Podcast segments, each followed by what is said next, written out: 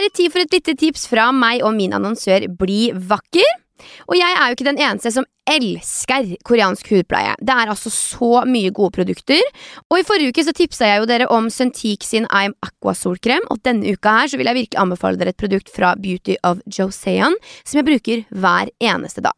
Det er en øyekrem som du kan bruke rundt øya, og den har retinal og ginseng i seg. Det er jo virkelig ikke uten grunn at dette her er et av de mest populære produktene hos Bli vakker, for som du kanskje allerede vet, så kan jo da langvarig bruk av A-vitamin bedre solskada hud og rynker.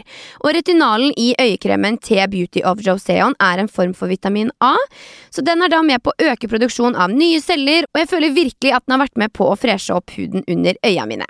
Denne øyekremen og masse annet digg innafor skjønnhet og velvære, det finner du hos blivakker.no. Hei til deg, og hjertelig velkommen tilbake til Takknemlighetens hule. Mitt navn er Hanna, og i dag skal du få bli bedre kjent med en av Norges største langrennsprofiler gjennom tidene.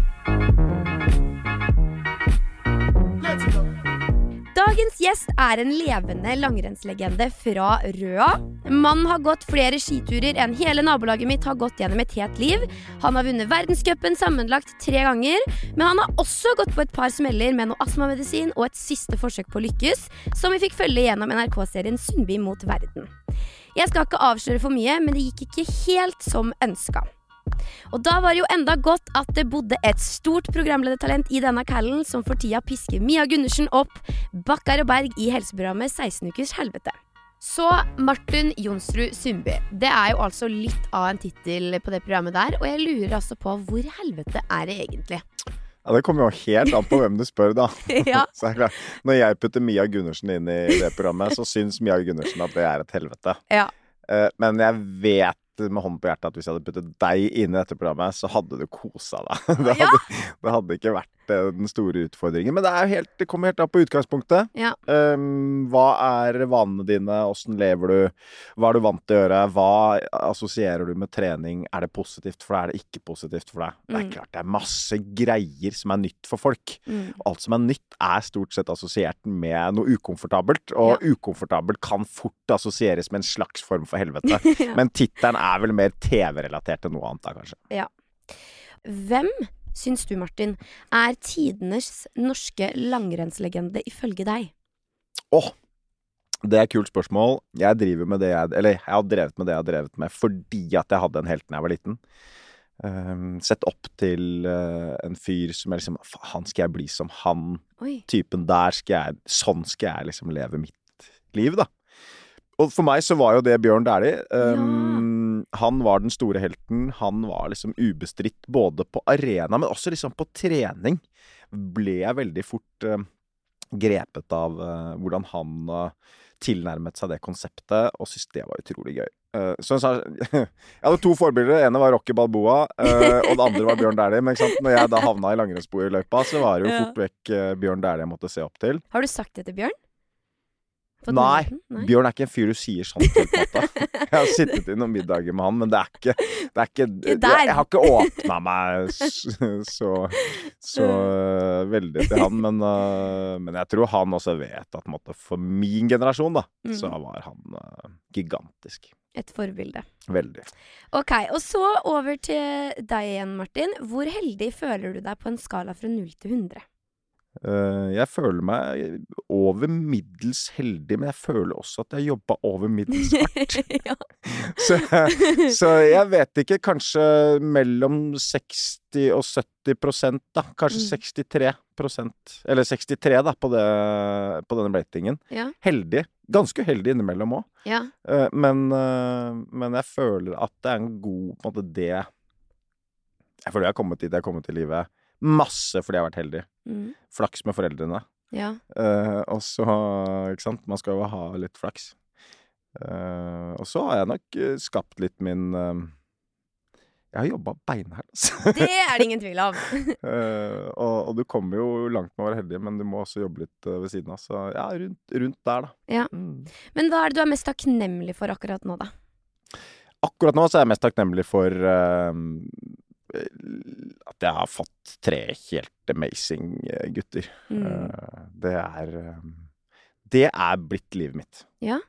Og Det er jo litt sånn merkelig å gå fra en Jeg har levd alt for å prøve å forhøye min egen prestasjon og bli så god jeg kan bli, få så mye ut av meg sjæl som overhodet mulig. Og så Nå er det Nå handler det om å gjøre livet så bra som mulig for tre andre. Mm. Eh, at de skal få lov til å kjenne på det samme, at de skal få lov til å få alle muligheter. I en verden som jeg mener er ganske vanskelig om dagen. Mm. Eh, ikke fordi vi har det vondt på noe, som, vi- eh, noe vis i det hele tatt, men fordi det er mer komplisert, føler jeg, enn det det var uh, når jeg vokste opp. Og helt sikkert enda mer komplisert enn det var når våre foreldre igjen vokste opp. Sant? Mm. Så jeg føler meg ufattelig heldig som har fått så fine gutter. um, som er snille og gode med gode folk rundt seg. Som har uh, klart å, få gode verdier, og som jeg tror um, har alle muligheter i livet, da. Mm. Um, Veldig heldig sånn sett. Jeg har eh, mye fine mennesker rundt meg. Jeg har gode folk rundt meg både i arbeidsliv og, uh, og ellers. Og jeg føler meg jo heldig Altså en form for Det blir jo en form for flaks, men jeg lander jo Jeg har klart å lande i kule miljøer. Ja. Uh, og det er um, Det er jeg veldig takknemlig for. Altså type langrennsverden.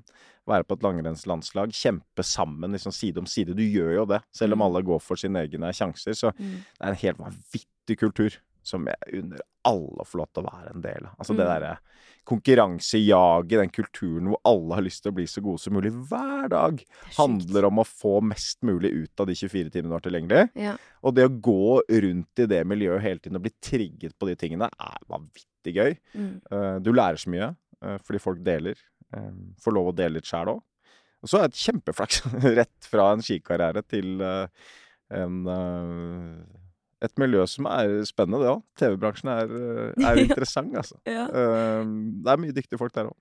Og Vi skal litt eh, tilbake til det etterpå, men jeg lurer først på om takknemlighet er viktig for deg i hverdagen, og hvis ja, er det liksom noe du praktiserer og bruker tid på å tenke over, da?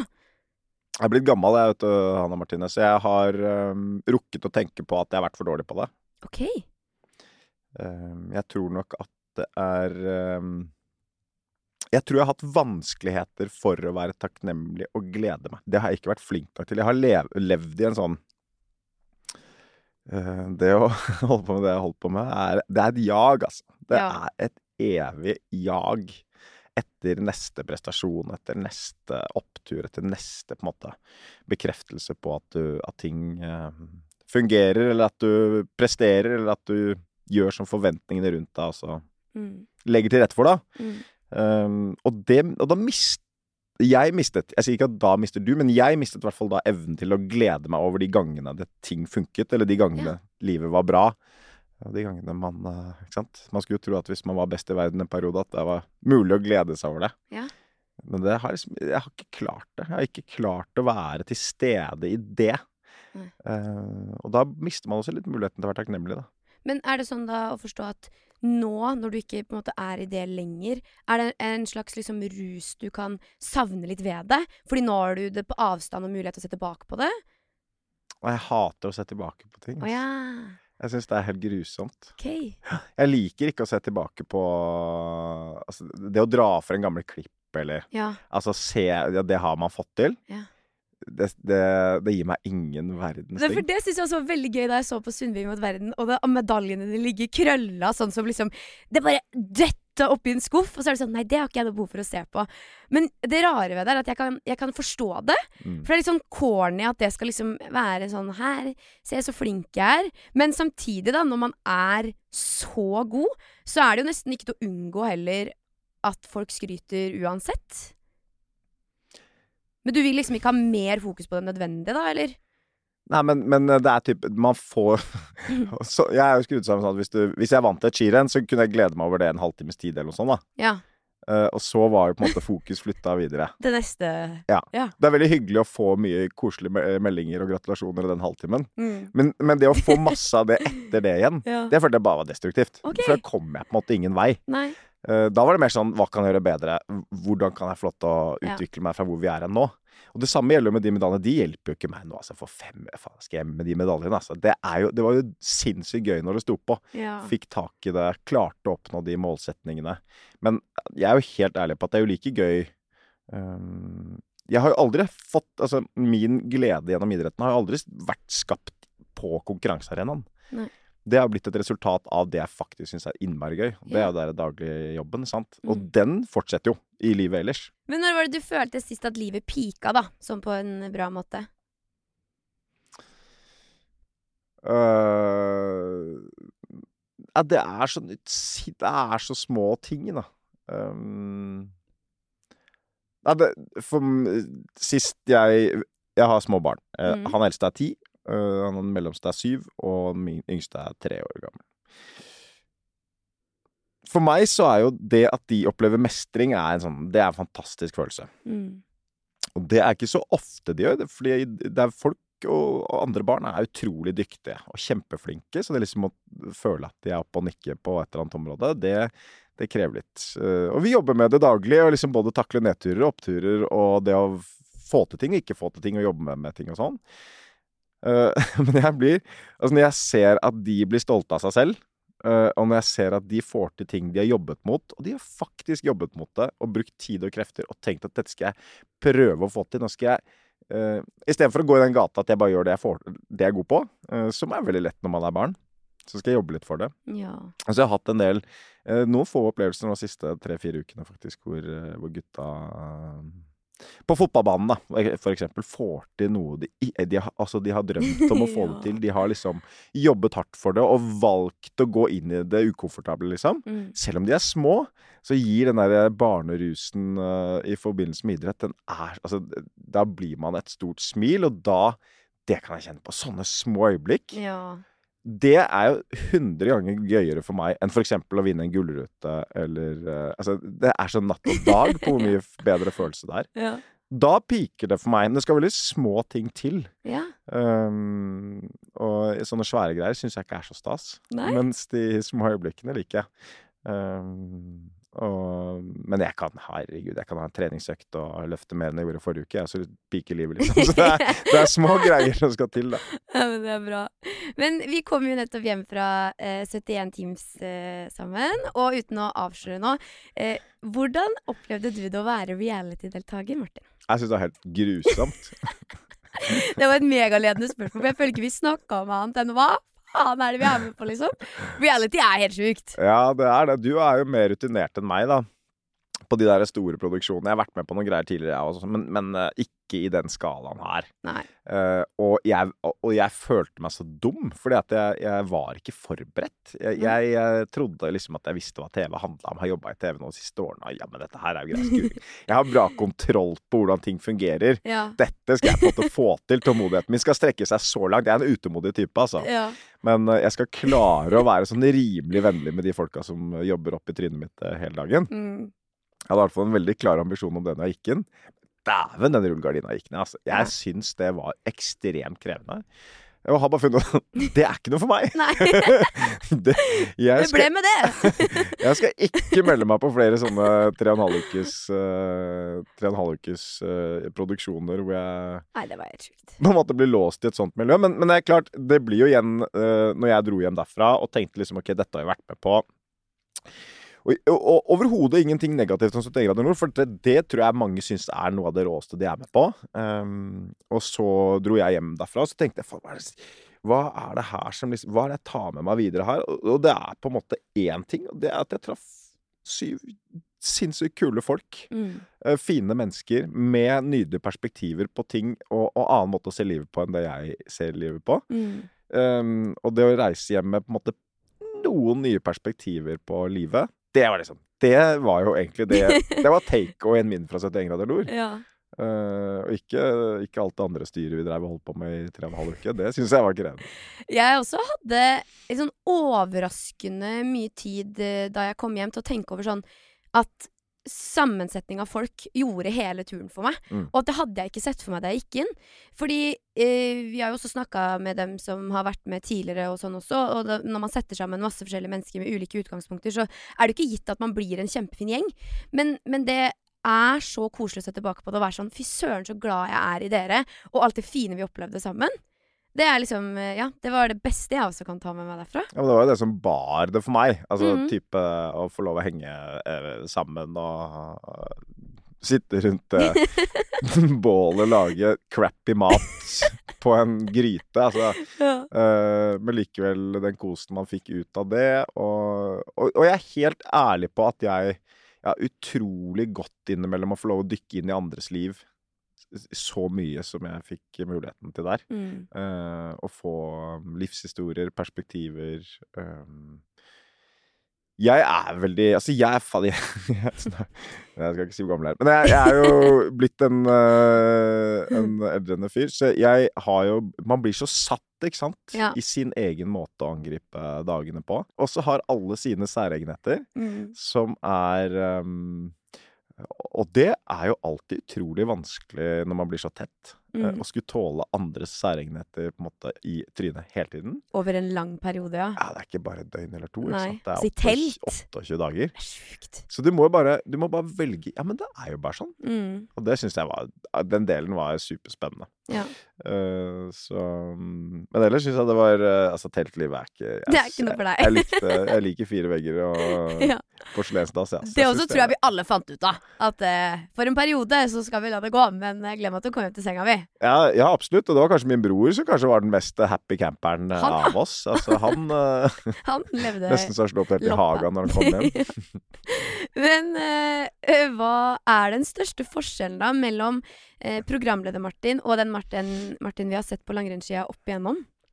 Ja, den største forskjellen er jo at jeg har fått lov til å bruke en egenskap jeg tror jeg alltid egentlig har hatt, uh, Mm. men som eh, er vanskelig å få til å skinne veldig i en individuell idrett som langrenn. Og i hvert fall fordi at du blir fremstilt som en jæk... Altså, unnskyld uttrykket. Du blir fremstilt som en jævla egoist Ja. når du er individuell idrettsutøver. Fordi Mm. at du jager de greiene for deg sjæl. Det Ja. er det som betyr noe. Og jeg havnet i en også Narrativet på meg var det som at ja, men det, han, han går over alt og alle for å på en måte bli så god som overhodet mulig. Mm. Og så tror jeg i meg så bor det nok ganske mye eh, eh, Bor et større ønske om å hjelpe andre. Ja. Eh, om å sørge for at andre også eh, flytter seg, på en måte. Mm.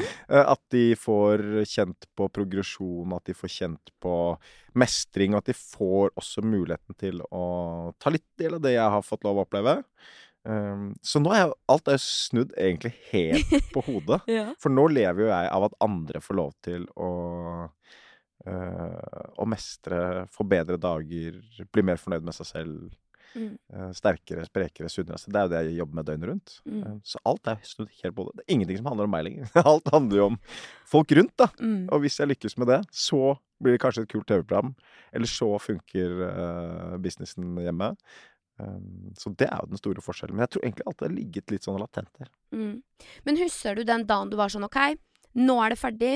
Eh, jeg må legge det bak meg. Jeg vil ikke se noe mer bakover, som du sier. Og nå skal jeg gjøre noe helt nytt. Hadde du da For at jeg kan tenke meg at uh, å avslutte en idrettskarriere kan jo for mange være utfordrende, fordi man må gå borte fra alt det man har kjent. Mm. Men, men hvordan var det for deg, da? Og liksom Nå er det, nå er det over. Um, det, det ble vel Det kom sånn snikende. Okay. Jeg la jo utgangspunktet så la jeg jo uh, Kall det verdenscupskiene la jeg på hylla etter et VM i 2021. Da var jeg tittelforsvarer. Da hadde jeg vunnet i 19. Og så var jeg tittelforsvarer. Hadde masse trøbbel på veien. Det var hele da hele Sundby mot verden-dokumentaren ble lagd. Og så gjorde jeg på en måte Det føltes som et siste stunt for å, å forsøke å prestere i verdenseliten. Mm. Da hadde jeg fått tre barn. eh, Jeg hadde innsett for lengst at slaget var tapt, sånn egentlig. Så jeg måtte prøve meg på alle snarveiene som fantes i verden, for å forsøke. Um, og så Det ble så bra det kunne bli, på en måte. Jeg ble nummer syv i det verdensmesterskapet og følte at OK, jeg kommer aldri til å bli noe bedre.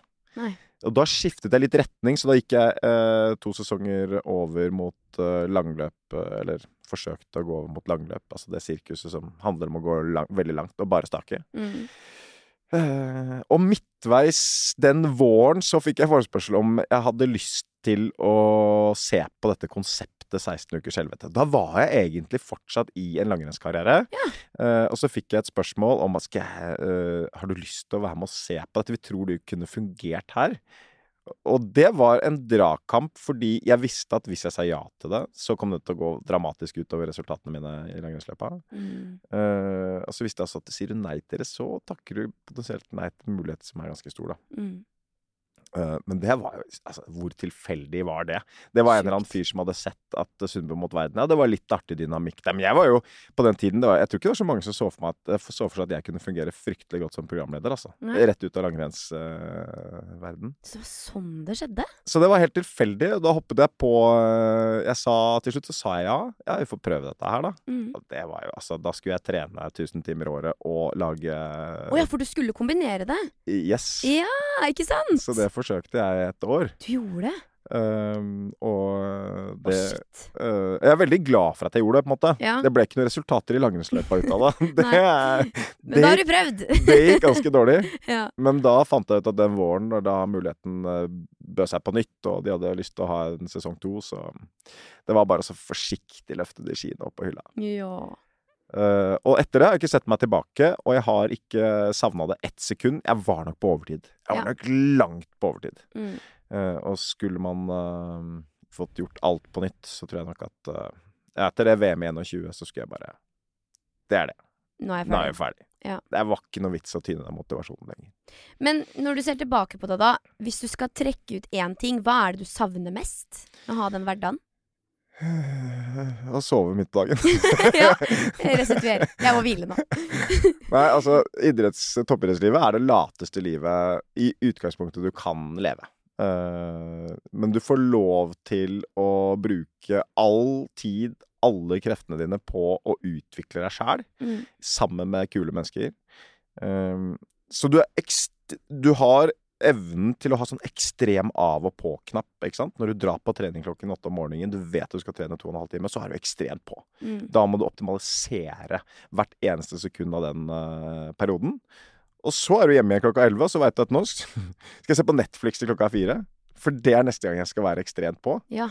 Uh, og eh, tro meg, det å gå fra toppidrettsliv hvor du er vant til å ligge på sofaen fem timer midt på dagen, til å ikke sitte på sofaen i løpet av en måned ett minutt, det er jo en ekstrem overgang. Toppidrettslivet assosieres med noe ekstremt, ja. men det er så utrolig slapt. Altså, det er uh, Man må hvile, liksom, ja, men imellom. det er jo halve jobben. Ja. er jo at du skal få restituert godt nok. Mm. De som er gode nok til å sove, de som er gode nok til å hvile, blir best, stort Ja. sett, i, uh, i den idretten de holder på med. Eh, Så du var utrolig god på å hvile og sove. Det savner jeg litt. Mm. For jeg syns det er digg. Ja. Men, eh, og jeg er litt lat av meg egentlig, selv om ikke det kanskje virker sånn. Eh, Så det, den delen savner jeg. Og så savner jeg nok at alt er utrolig enkelt. Altså, året er planlagt 1. mai. Ja. Jeg veit hva jeg skal 17. september. Ja. Det vet jeg 1. mai. Ja. Og jeg vet hvordan hele året ser ut. Nå er det litt mer sånn hva skal jeg Å, fy faen, i morgen. Og foreldresamtale. ja, ikke sant? Det er mer, det er kom, mer kompliserende. Ja. Så idrettslivet er utrolig enkelt å forholde seg til. Og det er jo derfor jeg tror mange drar det for langt òg, ikke sant. Det, der, det blir for skremmende, det som er på andre sida. Mm. Og det er skremmende. ja. det er det. Å drive med alt mulig annet. Jeg, savner mye av det, men jeg savner ikke all den motivasjonen som må graves opp Nei. for å gjøre det. For å gjennomføre det. For det er liksom Det skal trenes 1000 timer, og det skal, du skal være ganske rigid på mye. Ja. Øh, Men hva er det du er mest glad for å legge bak deg, da? Fra det livet? Jeg er utrolig glad for å legge bak meg den dårlige samvittigheten jeg hadde på slutten. Altså, de siste seks årene så hadde jeg så mye dårlig samvittighet. For at Mm. hver kveld så må jeg ut og trene. Barna sitter hjemme. Pappa Ja. må på trening to timer, ikke sant. I kjernefamilietiden. Mm. Og enten så gruer jeg meg til å stikke ut og trene, og det blei seinere og seinere for hver uke som gikk. Eller så var det jo vondt, ikke sant. For at de fikk jo ikke vært sammen med pappa i det hele tatt. Um, og det førte jo igjen til at jeg trente mindre og mindre, ikke sant? for at jeg fikk så dårlig samvittighet. Så det er den dårlige samvittigheten for at jeg ikke eh, For at jeg dro og trente når jeg kunne være sammen med barna mine, det Ja. savner jeg ikke. Nei. Um, Men for man så jo på Sundby mot verden at Marikke var ganske lei på slutten der. Sånn Nå håper jeg han gir seg snart, på en måte. Men, men er det lov å spørre sånn Føler du at det har blitt roligere på hjemmebane når du ikke har så mye dårlig samvittighet? livet er ekstremt hektisk fortsatt, Ja. Uh, men det styrer man jo Men at ikke du står henne i gjeld, på en måte? Eh, For mye tid som har blitt brukt på deg, da. ja, det kommer vi godt ut av føler jeg nå, da. Ja, ja, ja, det, det, det drypper jo litt, på en måte. ja, det er I klart. hvert fall når man lykkes. Ja. Uh, nei, jeg føler ikke det, men det er mer sånn for min egen del. Ok. Uh, jeg tror uh, på et eller annet tidspunkt så skjønner man at nå har du dratt strikken langt nok med tanke på å oppfylle egne drømmer. Eh, nå må du skifte fokus litt, altså. Ja. Uh, og jeg er veldig glad for at det fokuset er, er skiftet. Det kunne ikke falle meg, men, men liksom, jeg, jeg var kjempeferdig. Mm. Jeg hadde brukt for mye krefter på å prøve å bli god. Ja. Eh, hadde, og, og det er sant, nå er det jo da jeg la opp, eller, eller sneik skia på hylla våren 2022. Mm. eh, Eller 2022. Og um, jeg har ikke gått en skitur aleine siden. Oi! Ikke vært på rulleski. Har du ikke? Ikke gjort noe av det som da kan assosieres med å være glad i å gå på ski. Oi. Så det, det, det, og det er jo sikkert et signal eh, om at uh, ja, den sanden hadde rent ut av det timeglasset. Altså. Shit. Men eh, ja, nei, du, du sier jo sjøl at du holdt eh, koken ganske så lenge. Men jeg lurer også da på, hva tenker du om valget som eh, alpinisten Lukas Bråten nylig tok? Det var jo ganske sånn Deilig. Nå er vi nå, nå er vi Nå kan vi. Nå kan vi potensielt bevege oss ut på tynn is her, kjenner jeg. ja. Uh, nei, det er helt umulig å forstå. Ja. Det er helt fullstendig umulig å forstå. Men hele den uh, Han eller idrettsforbund? Altså Nei, jeg syns det er umulig å forstå at man velger på en måte å uh, Altså, hvis ikke, hvis ikke øh, Det er mulig at ikke det kommer frem godt nok fra Lukas sin side, men øh, fordi at hvis kjærligheten til en idrett er liksom sterk nok eh, som jeg opplever og har opplevd blant alle mine medkolleger. på en måte, altså Det siste i verden de ser for seg, er å slutte med det de Mm. elsker mest av alt. Mm. Altså De blir tvunget til å slutte fordi de ikke er gode nok. Ja. Ofte så er det jo det som kommer over deg. ikke sant? Du, du ønsker å leve dette idrettslivet. De er så dedikerte uh, mennesker, guttene og jentene, uh, som blir toppidrettsutøvere. Fordi du lever og ånder, og det er det eneste du kjenner. mm, Fra du var sikkert syv, åtte, ni år gammel, så er det identiteten din. Mm. Du er toppidrettsutøver gjennom hele deg. Alle andre assosierer deg med det, og du selv har et bilde av deg selv som Det er jo, mi, det er jo meg i livet. Eh, og det gjør igjen at man skaper masse kjærlighet til alle prosessene som foregår. Man skaper masse kjærlighet til selve idretten. Eh, og det er her jeg faller av. ja. Fordi at uh, jeg altså, fy, altså Hvor mange konflikter har ikke jeg hatt med Norges Skiforbund opp igjennom? Mm. Eller hvor mange konflikter har jeg ikke hatt med sponsorer eller andre aktører, eller som har vært innblandet i Altså, den lista er jo uendelig lang. Mm. Hvor mange konflikter har ikke Petter Northug stått i med de samme aktørene? Altså, men men uh, man finner løsninger, ikke sant? Ja. Hvis du elsker idretten, hvis du um, virkelig brenner for det du holder på med, dette er min, min identitet, så kan jeg skjønne at man går lei av prosessen. Jeg kan skjønne at man kommer på kamp med folk, og at man syns det virker helt uh, uoverkommelig å skulle fortsette å jobbe med disse menneskene.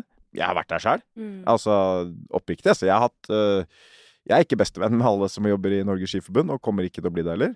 Eh, men jeg har nå alltid landet på at ok, vi er uenige. Eh, Sånn er dette bygd opp. La meg heller forsøke å være med å påvirke systemet fremover. For det som betyr noe, og som jeg syns er utrolig vanskelig å forstå, både når det kommer til Johannes eh, Klæbo, som vi kan blande inn i dette her, Mm. og Lukas Bråten, det er at Men hvem er det som betyr Er det ikke lagkompisene? Mm.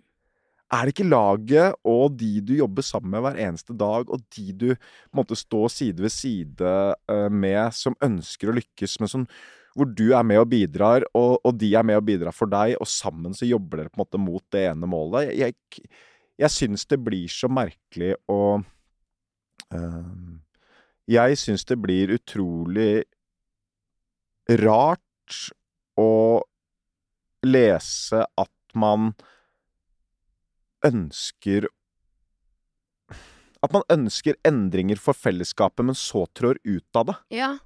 Det er et eller annet der som skurrer for meg. Mm. Eh, fordi at hvis du øndrer eh, Hvis du mener at folk blir urettferdig behandlet i det systemet du er i, hvis du mener at ting ikke er som det burde vært, som det åpenbart ikke er altså, Og jeg mener at Lukas Bråten har rett på nesten alle punktene sine. Ja. Men jeg mener ikke at du bør slutte å stå på ski for det. Nei, at Men han kaster kan- bort potensialet sitt, på en måte, da. Ja, da 22, en han er, ikke gamle gutten, han Nei. kunne hatt brukt ti år på å lage dette systemet bedre. Mm. Sørget for at andre utøvere som kom senere, fikk andre muligheter enn det han har nå. Mm. Um, og det syns jeg gjelder litt for Johannes også. Altså det, det, det er mulig han prøver å um, disrupte Norges Skiforbund, på en måte, men, men det er da det samme Norges Skiforbund som også forsøker å sørge for at langrennssporten forblir ganske stor i Norge ikke sant, til enhver Ja. tid. Uh, så jeg tror ingen, ingen ønsker å være onde her. Nei, nei. Det er ikke det, men alle, alle må jo på sett og vis overleve. Så hvis du har en veldig sånn kampsak, så jeg, jeg, jeg er usikker på om den martyrrollen kommer til å skape en endring, eller om det har vært smartere å over tid forsøke å jobbe med det. Mm. Når det er sagt, eh, jeg støtter eh, alle punktene. Ja. 100 Mm. Men jeg tenker at det ikke var beste måten å løse det på, å gå tre ut av det. Ukas annonsør er blivakker.no. Fra den 22. november til den 5. desember så er det Black Week inne hos blivakker.no. Og da er det salg på annet Glød fra Sophie Elise, Isadora, Mac Cosmetics og Urban Decay. Og så tenkte jeg på en ting, siden det er tilbud på så bra brands. Hva er din absolutte favoritt innen hud, hår eller sminke? Kan ikke du ta oss og dele det med meg på Snap? Der heter jeg Hanna YT, sånn at jeg kan teste noen av deres favoritter nå mot slutten av sesongen. Det hadde vært så sjukt gøy å få teste deres favoritter, og jeg elsker jo da å få tips fra dere. Og jeg er spesielt på jakt etter den beste primeren akkurat nå, så let me know hva som er din favoritt. Og husk å sjekke ut Black Week-tilbudene fra Bli vakker fra onsdag den 22. november til tirsdag den 5. desember. Du har jo hatt en veldig imponerende karriere, og jeg lurer veldig på hva står deg ut som det kuleste du opplevde i idretten? Um, aller kuleste jeg opplevde i idretten var da jeg vant uh, ungdommens Holmenkollrenn Nei, uh, hovedlandsrenn da jeg var 14 år i Holmenkollen. Oi! Ja. Uten tvil. Det er det du liksom ser tilbake på? Ja. Sånn, wow, that Ja. was it. Ja. Ja. Og det er ikke noe som er i nærheten heller. Oi! Og det, er, og det tror jeg er sånn Det er, nok uh, Og det har jeg lyst til å snakke mye om, Ja. kjenner jeg. Men, uh, men det er nok uh, Jeg tror at er du foreldre til barn som driver med idrett i dag, så tror jeg du kan være kjempetrygg på at hvis du klarer å skape gode idrettsopplevelser for de barna dine mens de er altså fra de er syv til de er 17 år, Mm. så er det de største idrettsopplevelsene. Disse, Ja. Uansett hvordan det ville gått seinere i livet, så er det de største idrettsopplevelsene. Alle mine på en måte sånn Det jeg husker best av skirenn eh, og, og følelser når det kommer til å gå på ski, er fra jeg var eh, mellom jeg var 10 og jeg var 15 år, liksom.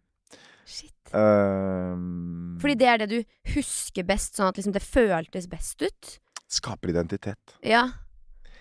Uh, det å lykkes, det å føle mestring, det å, det å på en måte få en slags rolle i livet når du er liten. um, det å lande et sted for en liten gutt som meg, da, som også hadde hatt store forbilder, ikke sant, som, som jeg eh, så opp til, det ble mm, Det ble utrolig definerende for hvem jeg ble i, videre i livet. Um, tryggheten min, hvem jeg Altså, jeg, jeg fikk en identitet. Mm.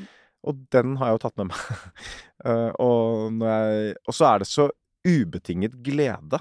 For det er ingenting annet til stede i hodet ditt når du er 14 år og, og blir best i Norge, uh, enn Det er kun at Det er ikke noe, det er ikke noe rundt som, som ødelegger for den idrettsgleden. Um, og det er det jo i eh, alle andre settinger når du blir eldre, og særlig når du driver med profesjonell idrett. eh, Mm. Så er det alltid ting som ligger og potensielt ødelegger, eller skår i gleden, eller ikke sant, som Mm. eh, gjør at jo, det var et stort øyeblikk, men Mm. uh, Ja, det var gøy, men Ja. Ikke sant? Det er alltid et eller annet der.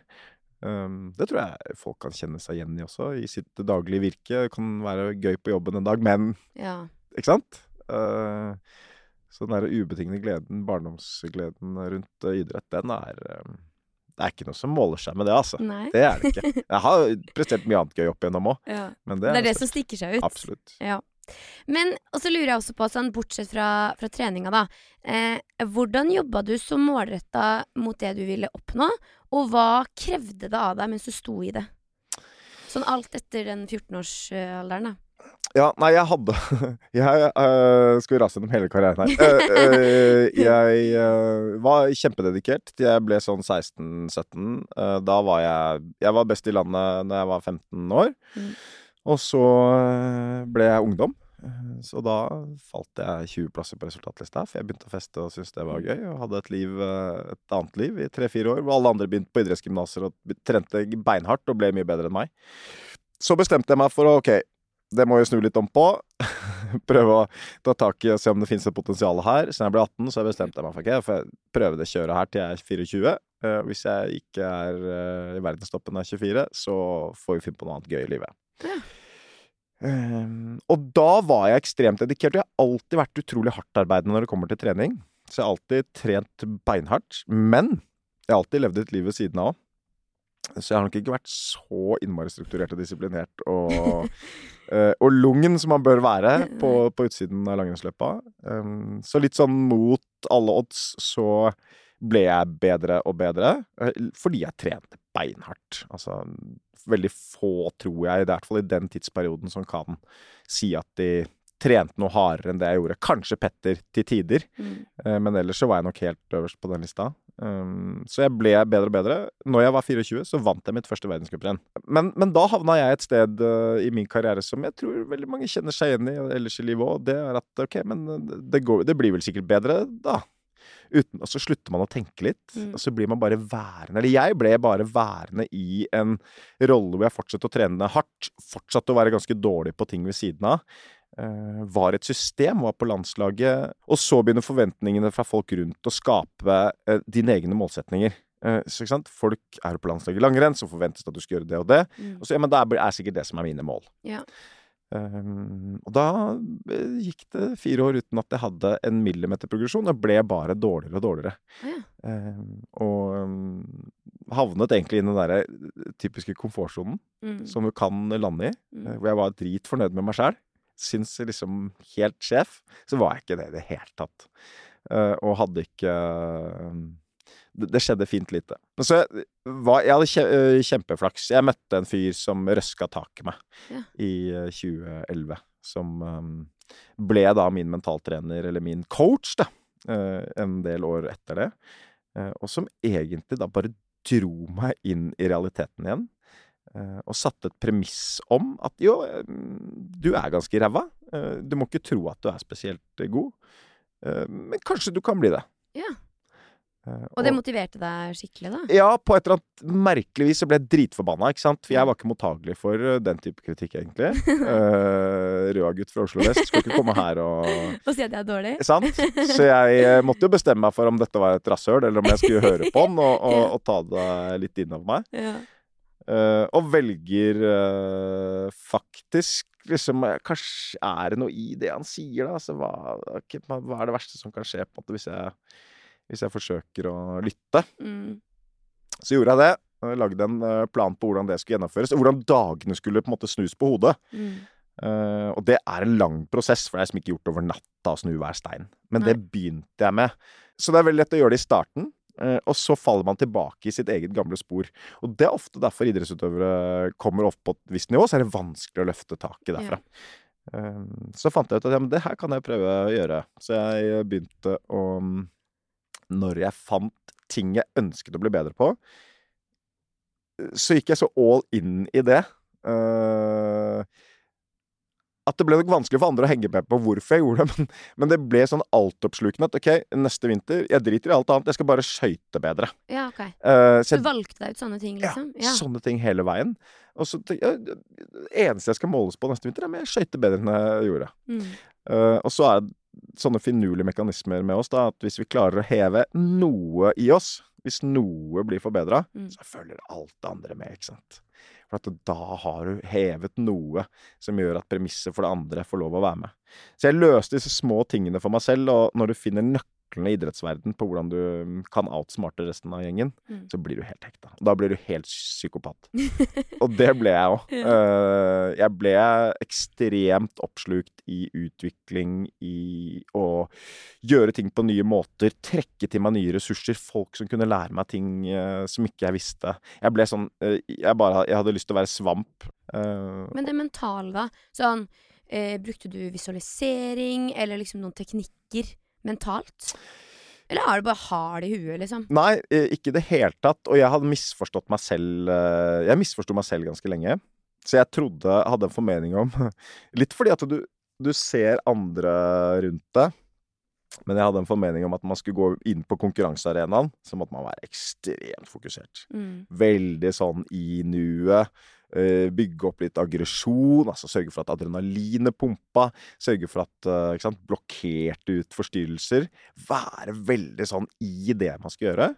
Eh, Så det var jo den, det mennesket jeg forsøkte å skape når jeg gikk på idrettsarenaen. Og Mm. men det gikk jo helt ræva hver gang. For da fikk jeg høye skuldre, da åpnet jeg for hardt, da gjennomførte jeg uten å ha fokus, osv. Så, videre. Eh, så jeg klarte å analysere oss frem til at eh, ja, når er det du presterer best, da? Når er det du er på hugget, Martin? Eh, Nei, når er det, da? Det er egentlig når jeg gir litt faen. Ja. Det er egentlig når jeg er blid og happy og ikke har noen forventninger, og alt er bare øh, Ja, det derre happy camper-begrepet, da er jeg ganske bra. Ja. faen, det, hvorfor prøver du å være sånn, da, hvis du egentlig er best når du er sånn?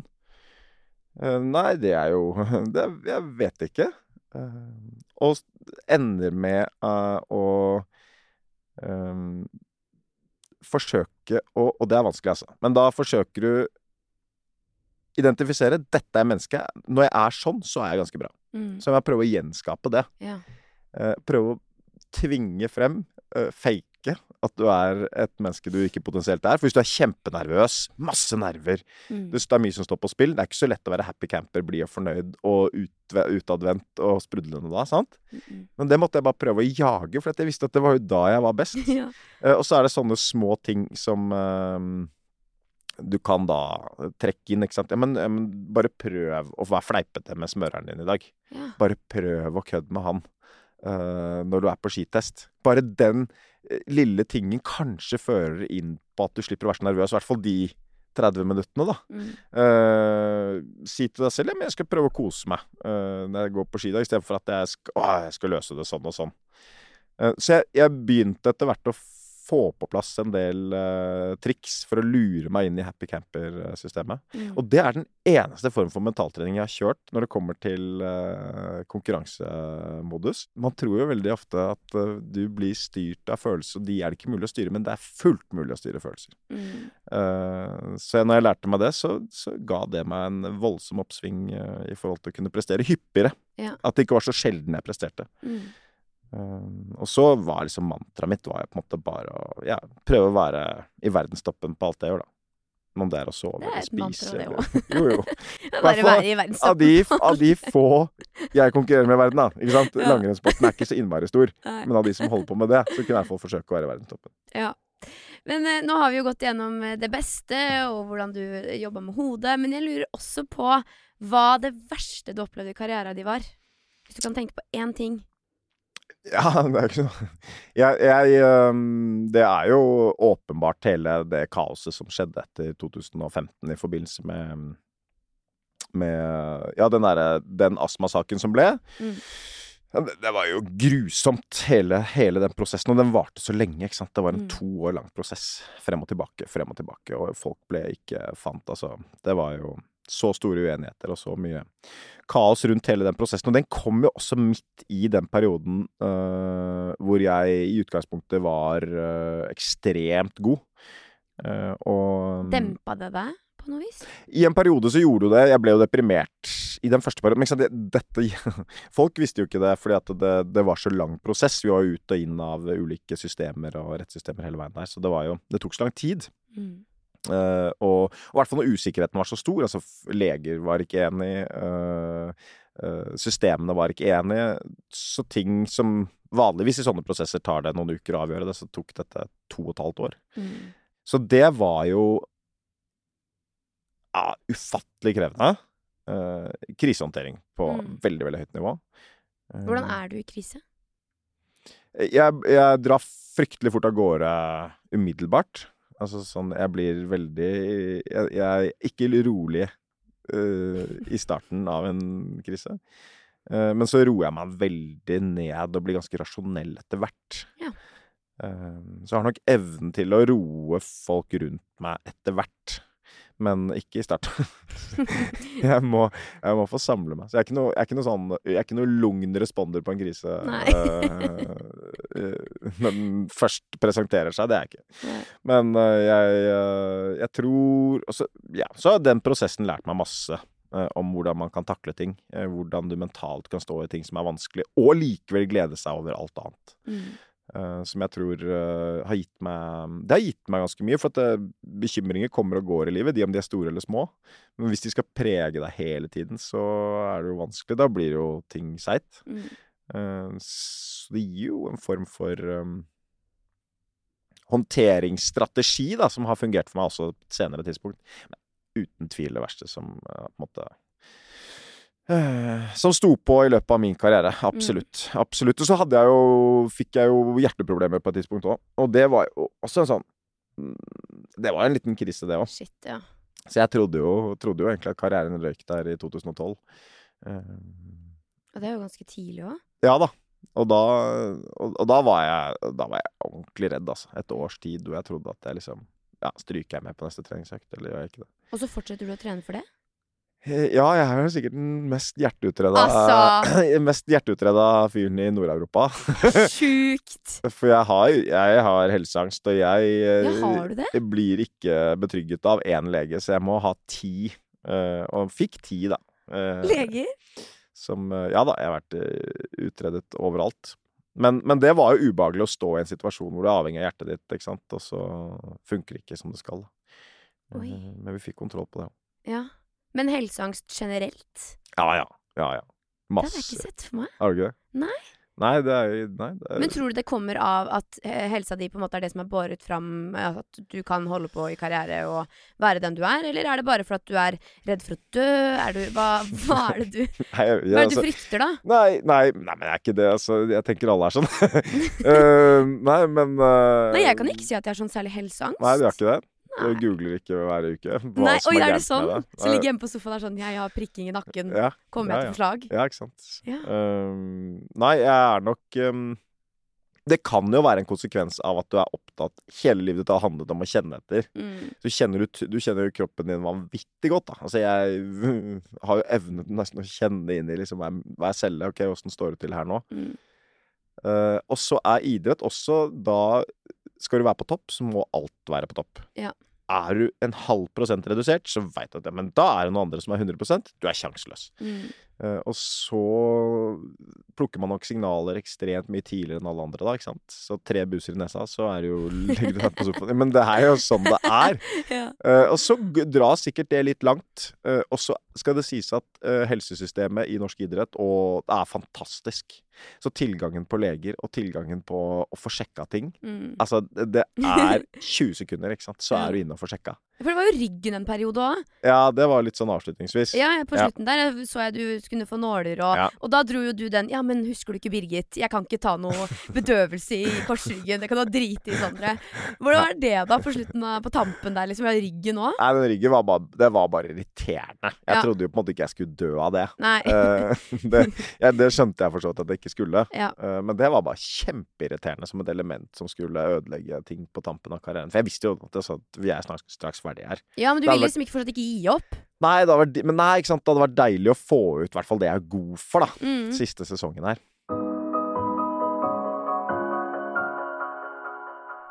Men jeg regner jo med at du er ganske takknemlig for den bror- og kollegarelasjonen du har til Sondre, med tanke på at dere fortsetter jo å jobbe sammen nå. Hvordan var det, fordi helt på slutten så ansatte du Sondre? Nei, Sondre har jobba for meg siden 2013, men da var jeg utenfor landslaget. Ja. uh, Den siste perioden. Og da gikk han inn i det teamet som vi da lagde. Eh, Så var han trener da. Ja. Uh, og vi hadde jo mer med hverandre å gjøre da, selvfølgelig, på trening enn det vi hadde før, fordi jeg ikke da hadde landslagsmiljøet ved siden av. Mm.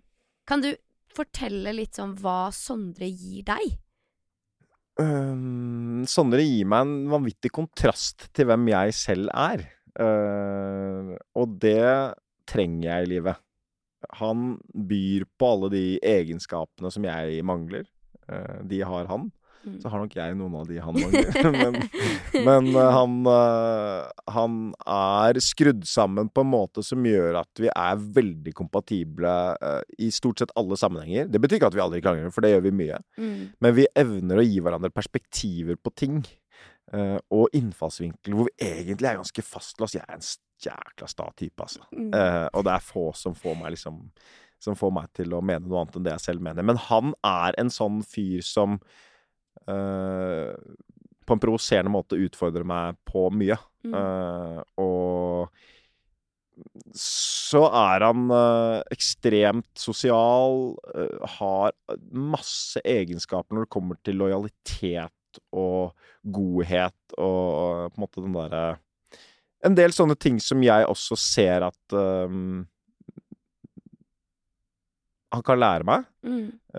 Og eh, særlig når det kommer til lojaliteten, så er han helt fantastisk. Så han har på en måte aldri Han har alltid stått der ved Mm. siden av meg, og vi har jobba sammen. Og vi elsker det jo. ikke sant? Vi elsker hvis vi får resultater, og hvis vi får lov å prøve oss på nye ting, og hvis vi får lov å kaste oss ut i noe vi ikke kan. Altså, det beste vi vet, er bare ja, men vi Hvis noen spør oss ja, kan dere gjøre det, og får, kan vi starte det der om Mm. to måneder, og vi bare ser på hverandre Nei, det kan vi egentlig ikke. Ja, men da gjør vi det. ja. uh, og, det, eh, og det er ikke så mange sånne mennesker du har rundt deg som, uh, som gir deg energi til å gyve løs på alle oppgaver, og det gjør han. Ja, det er Mm. kanskje mest det. Han gir meg energi til å på en måte hoppe ut i ting jeg egentlig ikke hadde gjort uten han. Mm. En spalte i podden er også utakknemlighet, for nå har vi rasa gjennom masse fint, og masse du har vært eh, takknemlig for. Mm. Men eh, eh, litt tilbake på Ja, litt det vi har snakka om, da. Men når har du syntes mest synd på deg sjøl? Og når du ser tilbake på det nå, eh, når i livet burde du liksom hatt et annet fokus, da? Enn det du hadde på det aktuelle tidspunktet? um jeg, jeg, først så må jeg da si jeg har en sånn filosofi på at jeg ikke i utgangspunktet angrer Altså, jeg har gjort mye dumt i livet, men Mm. jeg angrer på en måte ikke på noe av det. Um, I hvert fall ikke I hvert fall stort sett. Ja. uh, fordi man kan da bli sånn etterpåevaluerende uh, over sin egen uh, Hvordan har man havnet på en måte i de klemmene eller de problemene, eller hvordan har det blitt som det er blitt? Og Mm. så, ja, burde man håndtert ting annerledes? Hva er ut outcome av det? Eh, Mm. Er det bra eller dårlig? Og så har jeg stort sett, hvis det har vært noe som har vært skikkelig ræva, så har jeg skjønt at det har i hvert fall definert meg fremover. Ok. Har du et eksempel? Um, jo, men det, det er masse eksempler på det. Men, men igjen Jeg kan ikke dra frem alle hemmelighetene mine her. her, her uh, men hvis det skjer noe kjipt, da, Ja. uh, som du selv er skyld i, så vet jeg i hvert fall da ekstremt godt at ok, det gir en følelse som jeg aldri ønsker å ha igjen. Den, jeg gjør aldri en feil to ganger. Aldri gjort en feil to ganger. Eh, men litt også fordi at jeg kan være takknemlig for at jeg har gjort den feilen, for det definerte åssen jeg blir fremover. Mm. Um, så jeg sånn sett ikke angrer på noe, for jeg tror de fleste hendelser i livet har definert meg til å være den jeg er nå, Mm. som jeg syns er ganske ok. Jeg yeah. trives med den jeg er nå. uh, og så um,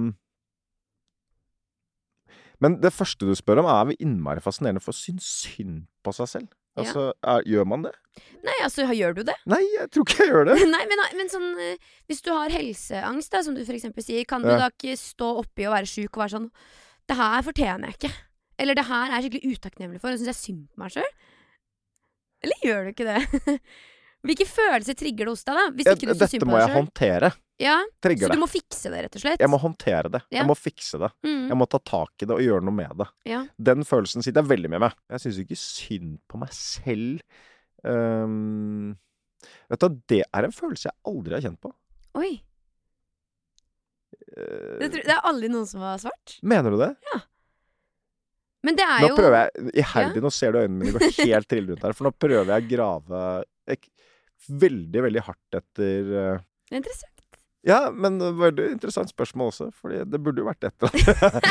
Jeg burde jo i løpet av livet kunne dra frem uh, noe utakknemlig greier, egentlig. Altså eh, ja, Nå skal jeg tenke mens du fortsetter, fortsetter altså, for dette, det hørtes jo helt merkelig ut. Ja, men det er fair, det. Jeg kan ikke grave frem noe nå. Nå skal vi over til min personlige favorittdel i podkasten. Og aller først da så lurer jeg på om du er god til å fortelle dem du har rundt deg, at du er takknemlig for dem. Uh, nei. Nei. Jeg tror ikke det. Hvorfor? Um, ikke helt min stil, kanskje. Ok. Jeg er god til tre, tre mennesker i livet som jeg gjør det hver dag. Ja. Og det er guttene mine. Ja. De Kona di, da?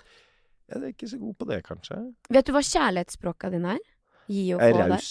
Du er raus. Jeg er ganske Men med raus. tid, med, altså med ord, med fysisk nærhet, hva er det du liker å få? Mm, jeg liker å få gode situasjoner, jeg, altså. Ja. Hvis jeg kan si det. Altså, Mm. jeg liker at det, det skapes gode situasjoner. Eller at det skapes um... Hva er det for deg, da? Eh, Det er eh, små bobler i hverdagen hvor ikke resten av verden betyr noe. Mm. Altså det å skape en eller annen Ha brukt tid og krefter og tanker på at nå skal vi skape et eh, hyggelig øyeblikk, eller skape en hyggelig situasjon. Det er med venner, og det er som at det er Og alt, ikke sant? Du kan assosiere det med en. Um, ja, du har bestemt deg for å møte fire kompiser eller tre kompiser, så, så blir man et lukket element, og så er alle der. Mm, til stede liksom der. I nåtid. Ja, ja. Hvor den greia her er et, en ødeleggende faktor i, i vårt liv, egentlig. Eller i hvert fall Mm. i mitt liv. Um, så hvis folk legger opp til å bruke tid og krefter på å skape en hyggelig greie, uh, og Mm. tenke på at ja, men dette skal bli bra, og, uh, så syns jeg det er utrolig verdifullt. Mm. Og prøver å kaste meg veldig inn i det hver gang folk uh, ønsker å være rause på den måten, da. Ja. Og uh, tenker og forsøker å være raus på samme måte tilbake, egentlig, og skape gode øyeblikk, da. Men du sier da så er jeg raus på andre områder på. Men så du tror hun skulle ønske at hun fikk mer av de orda, på en måte? Eller den derre Si at du er takknemlig, da. Um, ja, kanskje innimellom, men jeg, jeg har liksom tenkt at jeg viser det på min måte, da. Ja. Mm. Jeg er ikke så verbal sånn sett. Nei, du er ikke det? Nei. Så du viser det da heller med fysisk nærhet og gaver, tid, ja, raushet på liksom tilstedeværelse, da? Um, ja. Mm. Ja. Interessant. Ok, men eh, siden du ikke er så fryktelig god, da, som du sier sjøl, til å si til dem rundt at du er veldig takknemlig for dem, så lurer jeg på hvem som i dag fortjener en SMS-takk, og hvorfor. Fordi nå skal du, eller vi, da, skrive en SMS til noen som fortjener det, og så Mhm. skal du takke dem. Ok. Mm. Og det kan jo være Det kan være hvem du vil. Ja. Nå skal det komme fra hjertet. Ehm, Og da tenker jeg kanskje også at det umiddelbart blir ekstra hyggelig, fordi det kanskje ikke er noe Du er ikke sånn love spreader på melding, kanskje, da, Nei, til alle rundt deg. nei, det er riktig. Ja. Ikke sånn voldsomt, nei. Nei. Jeg ble litt ukomfortabel med en gang du sa det. Blei du? det. Ja, ja, det, det da er syns jeg det er meg. enda gøyere. Hvor legger du lista liksom på denne meldingen? Skal vi skru Nei. den sammen, uh, sammen, eller? Ja, altså hvis ikke du vet sjøl hva du vil skrive, så skal jeg bidra her. Men først og fremst kan du bestemme deg for hvem, da, Ja. som fortjener en skikkelig takk. Mm. ja, dette må jeg jo stå i. Ja. uh, ja, si det. Nei, jeg, jeg vet hva, jeg har innmari lyst til å sende da en melding til min bror, jeg. Ja, Sondre. Ja, Det var faktisk det jeg skrev her òg. Kanskje Ja. Sondre. ja. Mm. Skal vi gjøre det, da? vi gjør det. Ja. Tror du nå Sondre tenker sånn Ok, har Martin fått et ildbefinnende? Eller tror du bare at han tenker sånn Dette her eh, er sånn Martin kan gjøre innimellom. Ja, hvis du ser liksom loggen mellom oss, så tenker jeg illebefinnende. Er det sånn eh, tommel opp og OK, liksom? Uh, nei. Uh, ikke det. Det er bare jobb, eller? Stort sett. Ja. Ja. Men da er det jo hyggelig for henne å få en litt bekreftelse på at du, vet hva? Ja. Jeg vil bare fortelle deg nå jeg, at jeg Mm. setter skikkelig pris på alt du har gjort for meg. Mm. For eksempel. Men, men vi, vi går for den, da. Ja. Det er bare å ta tida si. Mm. Nå skriver du skikkelig her. Ja, ja. Ja, bra det. For jeg opplever egentlig deg som en mann av ikke så mange, men veldig fine ord når du først sier noe. ja Sånn, Da jeg fikk skryt av deg på 71, så Mm. tenkte jeg sånn Jeg vet at Martin mener det han sier nå, for hvis ikke så hadde ikke du sagt det. Ok, skal Ja. jeg lese hva jeg har skrevet? Ta den fra toppen. Skal jeg ta den fra toppen? Ja. Vil bare si at du betyr helt sjukt mye for meg. Alt du gjør, alt du backer meg på, den lojaliteten du viser meg, du beriker livet mitt. Virkelig. Er det greit? Ja, jeg fikk frysninger! Det var kjempefint, Martin. Gjør det greit? Ja. Ja. Og det kommer jo fra hjertet, det. Ja, ja, ja. Fantastisk. Ja, det her var du dritgod på. Det er bra. Jeg vil gjøre mer av det her. Skal jeg sende den nå, ja, da, Ja, send den til Sondre. Ja. Hva vi tror du han kommer til å tenke da? Vet ikke. Vi har ikke sagt at det er her, så han kobler ikke. Ikke? Nei, men jeg snakket med han 20 sekunder før jeg gikk inn her. Ja. Men jeg sa jo ikke at jeg var her. Sist han skrev til meg 'inviterte deg til Entra via kalender'. så kommer, kommer dette svaret. Men å Det er fint. Er den sendt? Ja. Ok, da får vi oppdatere om det kommer noe svar. Ja, da durer det, durer det i lomma. Ja. Men eh, nå skal vi også over til en del jeg også syns er veldig fin. Og så lurer jeg eh, innledningsvis på eh, manifestering. Kjenner du til det? Nei. Nei? Ok. Eh, veldig, veldig, veldig kort, enkelt forklart, så er det jo at liksom tankene våre eh, og fokuset vårt blir med på å forme virkeligheten vår, da. Mm. Eh, så helt til slutt så skal vi bi oss ut på en andres liten manifesteringshistorie. Så jeg skal eh, dra deg gjennom noen setninger, og så skal du fylle inn the blanks. Mm. Mm. Det er greit. I 2024 skal jeg bli bedre på å Mm. Disponere min egen tid. Jeg skal slutte med Og gjøre ting jeg ikke liker. Jeg skal kjøpe meg Oi! Jeg kjøper meg aldri noen ting. Ikke? Uh, jeg skal kjøpe meg Jeg men bare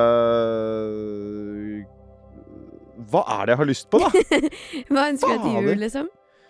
Uh, jeg har alltid lyst på, lyst på nytt hus, men jeg kommer ikke til å kjøpe meg det i 2024.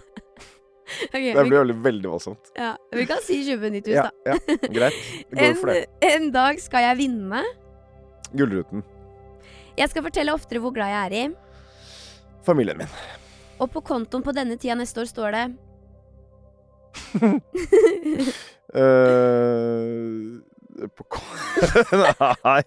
Eh, jeg har veldig lite penger. Ok. Etter alt det her, da. Hvor heldig spår du at du er på slutten av 2024 på en skala fra 0 til 100? Eh, jeg tror at eh, 2024 blir et komplisert år, men at jeg kommer til å føle meg heldig. Um, Vil du utdype det? Nei, ja, men det er, det er mye styr. Livet er styrete. Ja. Eh, er det. Det er ikke rett frem. Um, så jeg vet at det byr på store utfordringer, og så eh, tror jeg likevel at jeg kommer til å ende opp og føle meg ganske heldig. Mm. 70, da. 70? Da har vi nikka opp et par prosent. Litt noen prosent. Det er bra. Mm. Nei, men tusen takk for at du kom, Martin. Takk for at du delte, og takk for praten. Tusen takk for at jeg fikk komme.